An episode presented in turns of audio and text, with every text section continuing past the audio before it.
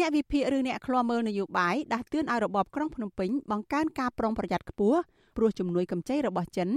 មានចេតនាជ្រៀតជ្រែកនយោបាយកម្ពុជាក្រោមការដឹកនាំរបស់លោកហ៊ុនសែនពួកគេចាត់ទុកខ្លឹមសារលិខិតចំហរបស់ស្ថានទូតចិនប្រចាំនៅកម្ពុជា ថាជាការការពារផលប្រយោជន៍របស់ក្រុមហ៊ុនចិននិងជនជាតិចិនជាច្រើនម៉ឺននាក់ដែលកំពុងរស់នៅលើទឹកដីកម្ពុជានាពេលបច្ចុប្បន្ននេះច្រើនជាង ស្ថានទូតចិនថាលុយដែលរដ្ឋាភិបាលចិន ផ្ដល់ឲ្យកម្ពុជាខ្ចីមិនមានលក្ខណៈនយោបាយនិងពុំមែនជាលេសដើម្បីជ្រៀតជ្រែកកិច្ចការផ្ទៃក្នុងរបស់កម្ពុជានោះឡើយចិនថាមកទល់ពេលនេះមិនទាន់ឃើញមានប្រទេសណាមួយរងទុក្ខវេទនាដោយសារបំណុលរបស់ចិននោះឡើយដូច្នេះហើយទើបកម្ពុជាតែងតែខ្ចីលុយចិនមកអភិវឌ្ឍផ្លូវស្ពានហើយចិនផ្ដល់បច្ចេកទេសបណ្ដុះបណ្ដាលបច្ចេកវិទ្យានិងវិស្វកម្មដើម្បីជួយកម្ពុជា ស្ថានទូតចិនថ្លែងបែបនេះនៅក្នុងលិខិតចំហមួយចេញកាលពីថ្ងៃទី11ខែមេសាជាការឆ្លើយតបបកស្រាយប្រាប់អាស៊ីសេរីថាមកទល់ពេលនេះមិនទាន់មានប្រទេសណាមួយរងគ្រោះព្រោះតែបន្សងបំណុលចិននោះទេ ហើយក៏មិនលឺថាប្រទេសណាស្អប់ខ្ពើមជំនួយកម្ចីរបស់ចិនដែរតែផ្ទុយទៅវិញប្រទេសទទួលជំនួយកម្ចីភាគច្រើននៅតែបន្តស្នើសុំចិនបង្កើនជំនួយបន្ថែមទៀតដើម្បីអភិវឌ្ឍសេដ្ឋកិច្ចរបស់ខ្លួនឲ្យកាន់តែល្អប្រសើរ និងជួយលើកកម្ពស់ជីវភាពរស់នៅរបស់ប្រជាជនខ្លួនប៉ុន្តែក្រុមអ្នកខ្លាំមើលនយោបាយនិងគណៈបកប្រឆាំងច្រានចោលចំពោះការបកស្រាយនេះដែលចាត់ទុកថារដ្ឋាភិបាលចិនពុំមានភាពស្មោះត្រង់នៅក្នុងការផ្ដល់ប្រាក់កម្ចីនោះទេលើសពីនេះទៀតក្នុងពេលដែលកម្ពុជាកំពុងជាប់អន្ទាក់បំណុលចិនបានឆក់ឱកាសបង្កើតគោលនយោបាយវិនិយោគហេដ្ឋារចនាសម្ព័ន្ធនៅកម្ពុជា និងវិនិយោគដីសម្បត្តិសេដ្ឋកិច្ចជាច្រើនម៉ឺនហិកតា ដើម្បីងាយស្រួលនាំចេញធនធានធម្មជាតិរួមមានរ៉ែមាសរ៉ែដែកថ្មម៉ាបធម្មពលអគិសនីនិងឈើប្រណិតទៅកាន់ប្រទេសរបស់ខ្លួន។ប្រធានក្រុមប្រឹក្សាខ្លមមើលកម្ពុជានិងជាប្រធានក្រុមប្រឹក្សាពិបាលចលនានិស្សិតដើម្បីប្រជាធិបតេយ្យកម្ពុជា ដែលកំពុងរស់នៅប្រទេសណ័រវេសលោកម៉ែនណាតសង្កេតឃើញថាគណៈរដ្ឋាភិបាលចិនឲ្យកម្ពុជាខ្ចីលុយកាន់តែច្រើន ក្រុមហ៊ុនចិនមករកស៊ីនៅកម្ពុជា ជញ្ជក់យកធនធានធម្មជាតិពីកម្ពុជាកាន់តែច្រើនដែរក្រុមហ៊ុនចិនដែលមករកស៊ីសុកខ្មែរមានក្រុមហ៊ុនកាស៊ីណូមានក្រុមហ៊ុនកាប់ឈើក្រុមហ៊ុនរហែអីនោះគឺសុទ្ធតែ ជាពាក់ជាពិនទៅនឹងបញ្ហាកម្ចីនឹងទាំងអស់ដើម្បីយកចិត្តចិនវាមានតែឲ្យពួកវិនិយោគចិនហ្នឹងមិនថាវិនិយោគល្អទុច្ចរិតហ្នឹងក៏មកវិនិយោគដែរហើយពួកហ្នឹងរស់ស៊ីជាមួយនឹងពួកមន្ត្រីធំធំហ្នឹងពួកហ្នឹងរស់ស៊ីជាមួយពួកមន្ត្រីធំធំក្នុងរដ្ឋាភិបាលលោកហ៊ុនសែនហើយមានពួកឧត្តមសេនីយ៍ជាច្រើនណាស់ដែលកាងពួកហ្នឹងហើយមុនរស់ស៊ីជាមួយនឹងពួកមន្ត្រីតេតនៅក្នុងស្រុកយើងហ្នឹងអាហ្នឹងគឺជាការជួយសម្រួលពីលោកហ៊ុនសែននឹងដើម្បីសម្រួលចិត្តចិននៅលើបញ្ហាបំណុល ស្ថានទូតចិនបន្ថែមថាប្រទេសចិនចាប់ផ្ដើមផ្ដល់ជំនួយដល់កម្ពុជា ក្នុងការកែលម្អផ្លូវនៅជនបទនិងគម្រោងផ្គត់ផ្គង់ទឹកស្អាតក្នុងនោះបានជួយជួសជុលផ្លូវ25ខ្សែនៅក្នុងខេត្តចំនួន8មានប្រវែងសរុបជាង3000គីឡូម៉ែត្រលើសពីនេះចិនបានជីកអណ្ដូងជិត2000កន្លែង និងស្រះទឹកជាង100កន្លែងដល់ខេត្តចំនួន13 តួលេខទាំងនេះត្រូវបានបង្ហាញថាកិច្ចសហប្រតិបត្តិការផ្ដល់ផលប្រយោជន៍ទៅវិញទៅមករវាងកងទ័ពចិននិងកម្ពុជា គឺជាផ្នែកមួយយ៉ាងសំខាន់ដែលមិនអាចកាត់ផ្តាច់បានតែទោះជាយ៉ាងណាលោកម៉ែនណាតប្រធានក្រុមប្រឹក្សាឃ្លាំមើលកម្ពុជាបារម្ភថាដោយសារកម្ពុជាជំពាក់បំណុលចិនកាន់តែច្រើននៅថ្ងៃមុខពេលកម្ពុជាគ្មានលុយសងចិនវិញនោះកំពុងផែនៅក្នុងខេត្តប្រសេះអនុអាចនឹងត្រូវទូទាត់ជាសំណងទៅឲ្យចិន ដោយដែលបានកើតឡើងនៅក្នុងប្រទេសស្រីលង្កានោះដូច្នោះដែរពីឆ្នាំ2005ដល់ឆ្នាំ2015រដ្ឋាភិបាលនៃប្រទេសសេរីលង្កាបានខ្ចីលុយចិនជាច្រើនពាន់លានដុល្លារដើម្បីចំណាយលើការសាងសង់ហេដ្ឋារចនាសម្ព័ន្ធប៉ុន្តែក្រោយមកប្រទេសនេះពុំមានលទ្ធភាពដោះបំណុលចិននោះទេរហូតដល់ឆ្នាំ2017រដ្ឋាភិបាលស្រីលង្កា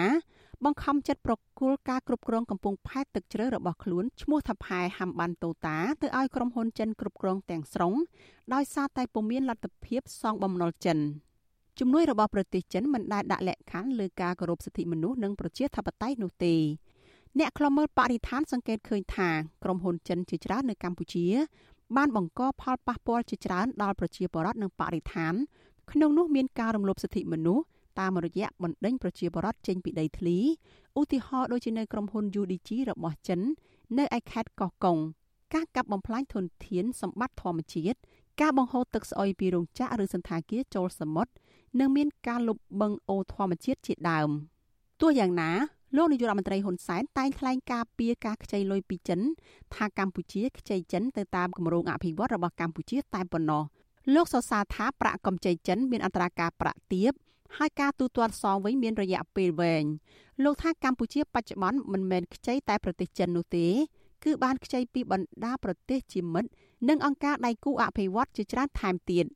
លើសពីនេះលោកថាការខ្ចីនេះទៀតសោតកម្ពុជាបានគិតគូរល្អិតល្អន់បន្ថែមពីលើនេះមន្ត្រីជាន់ខ្ពស់ក្រសួងពាណិជ្ជកម្មកម្ពុជាឲ្យដឹងថាប្រាក់កម្ចីពីប្រទេសចិនពុំបានភ្ជាប់នៅគោលការណ៍លក្ខខណ្ឌសំញាំច្រើនទេ ហើយឥណទានហិរញ្ញវត្ថុចិនបានក្លាយជាចលករដ៏សំខាន់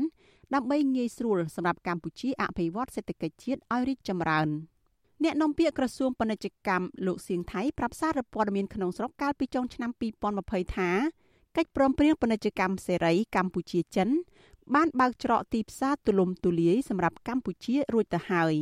លោកបញ្ជាក់ថាកម្ពុជាត្រូវរៀបចំគោលនយោបាយផលិតកម្មវិនិយោគដឹកជញ្ជូននិងបញ្ហាផ្សេងៗទៀត ឲ្យបានល្អប្រសើរដើម្បីផលិត និងនាំចេញទំនិញទៅកាន់ប្រទេសចិនឲ្យបានច្រើនតាមការរំពឹងទុកតែទោះជាយ៉ាងណាតំណាងរាជគណៈបកសង្គ្រោះជាតិលោកអ៊ុំសំអានមើលឃើញថាកម្ចីចិនពុំមានដំណាភាពនិងគណនេយ្យភាពនោះទេជាពិសេសមិនផ្ដល់ឲ្យកម្ពុជាទទួលបានអភិបាលកិច្ចល្អប្រសើរដើម្បីស្ដារលទ្ធិប្រជាធិបតេយ្យឡើយលោកផ្ដល់ទស្សនៈថាប្រាក់កម្ចីរបស់ប្រទេសលោកខាងលិច មានលក្ខខណ្ឌដំណាភាពបំបត្តិអំពើពុករលួយ កែលម្អបញ្ហាសិទ្ធិមនុស្សនិងស្ដារប្រជាធិបតេយ្យរបស់ចិនហ្នឹងវាធ្វើឲ្យរបបលន់សែនហ្នឹងគាត់ជីសេះលានដៃគាត់យកអំណាចផ្ដាច់ការលទ្ធិកុម្មុយនីសពីចិនមកអនុវត្តនៅកម្ពុជានៅកម្ពុជាសប្តាហ៍លន់សែនគាត់រំលែកបកប្រឆាំងដ៏ធំនៅកម្ពុជាគឺគណៈបក្សសង្គមជាតិហើយគាត់កាន់អំណាចផ្ដាច់ការតែម្ដងតាមរបៀបការដឹកដឹកនាំរបៀបកុម្មុយនីសដូចនៅចិនចឹងណាលោកអ៊ុំសំអានបន្ថែមថា លួយដីកម្ពុជាខ្ចីចិនផ្ដោតលើការអភិវឌ្ឍផ្នែកហេដ្ឋារចនាសម្ព័ន្ធប៉ុន្តែជារឿយៗក្រុមហ៊ុនចិនធ្លាប់មានរឿងអាស្រូវច្រើនយ៉ាងណាក៏ដោយចុះស្ថានទូតចិនបញ្ជាក់ថាកិច្ចសហប្រតិបត្តិការមិត្តភាពរវាងកម្ពុជាចិនមិនត្រឹមតែលើកកម្ពស់ប្រសិទ្ធភាពនៃទំនាក់ទំនងទ្វេភាគីប៉ុណ្ណោះទេប៉ុន្តែថែមទាំងចូលរួមចំណែកយ៉ាងសកម្មក្នុងការរួមគ្នាទប់ទល់ជាមួយបញ្ហាប្រឈមក្នុងតំបន់ថែរក្សាសន្តិភាពនិងស្ថិរភាពក្នុងតំបន់ ហើយកន្លងទៅកងទ័ពនៃប្រទេសទាំងពីរបានរៀបចំកិច្ចសហការនៅក្នុងតំបន់បានយ៉ាងល្អដូចជាការវឹកហាត់យោធា និងការបណ្ដុះបណ្ដាលបុគ្គលនិងឧបករណ៍ជាដើម អ្នកខ្លមើលនយោបាយសង្កេតឃើញថាចិនពង្រីកទំនាក់ទំនងស្អិតល្មួតជាមួយកម្ពុជាក៏ដើម្បីទាញយកផលប្រយោជន៍ពីកម្ពុជាពង្រីកឥទ្ធិពលរបស់ខ្លួននៅកម្ពុជា និងនៅក្នុងតំបន់ផ្អែកតាមរបាយការណ៍របស់ក្រសួងសេដ្ឋកិច្ចនិងហិរញ្ញវត្ថុ ចេញផ្សាយកាលពីឆ្នាំ2020កម្ពុជាជំពាក់ចិនដល់ទៅជិត4000លានដុល្លារឬស្មើនឹងជិត47%នៃទំហំបំណុលសរុបដែលកម្ពុជាជំពាក់បរទេសលុយដែលខ្ចីពីចិនភាគច្រើនផ្ដោតលើការអភិវឌ្ឍប្រព័ន្ធធារាសាស្ត្រហេដ្ឋារចនាសម្ព័ន្ធនិងស្ពានជាដើមនាងខ្ញុំសុជីវីអាស៊ីសេរីរាយការណ៍ពីរដ្ឋធានី Washington